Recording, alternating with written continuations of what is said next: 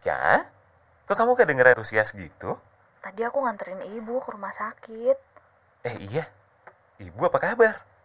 Ya gitu deh, Bi. Jadinya dirujuk, soalnya harus ke sub spesialis. Tadi habis dari rumah sakit.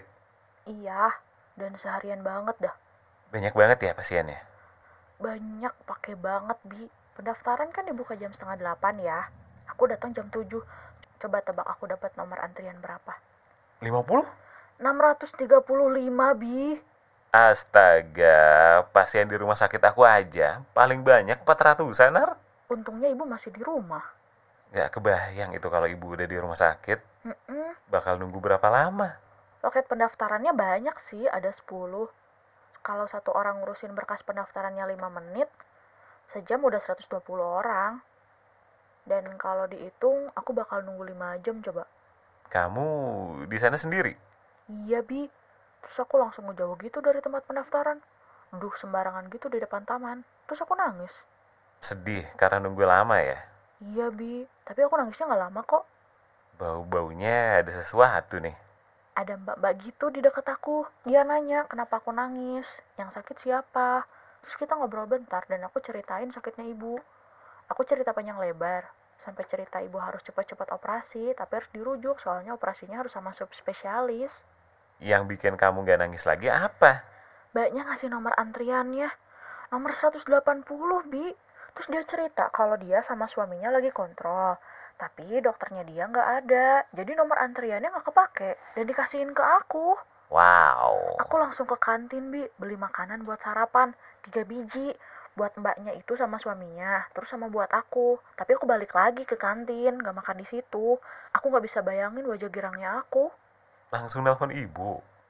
Iya, dan ternyata ibu udah berangkat dong. Nggak kebayang kalau aku masih megang nomor 653 itu. 635. Iya, 635. 5 jam nunggu, coba apa kabar ibu? Padahal aku udah bilang jangan dulu berangkat kalau aku belum daftar. Tapi kata Kak Kenta, ibu maksa. Terus apa kata dokter?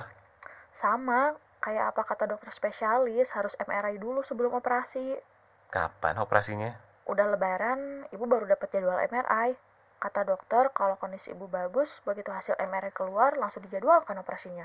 Mudah-mudahan semua lancar ya, Nar. Amin. Aku gak nyangka banget loh, Bi.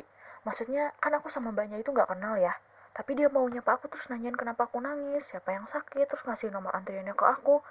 Padahal kan bisa aja ya dia nggak acuh gitu ke aku. Terus begitu dokternya nggak ada, nomornya dia buang aja, terus dia pulang gitu. Orang baik itu nggak pernah milih-milih, Nar. Kalau ada gadis kecil nangis di pojokan, terus kelihatan sedih lebay gitu ya pasti ditanya kenapa. Kamu gitu deh, aku nangisnya nggak lebay kok. Aku cuma diem, terus bercucuran air mata aja. Kamu kayak nggak pernah lihat aku nangis aja. Emang nggak pernah? Masa sih nggak pernah? Nggak pernah, Nar. Kalau aku ada lomba gitu terus kalah kan aku selalu nangis. Ya tapi kamu nangisnya selalu dipelukannya Kenta.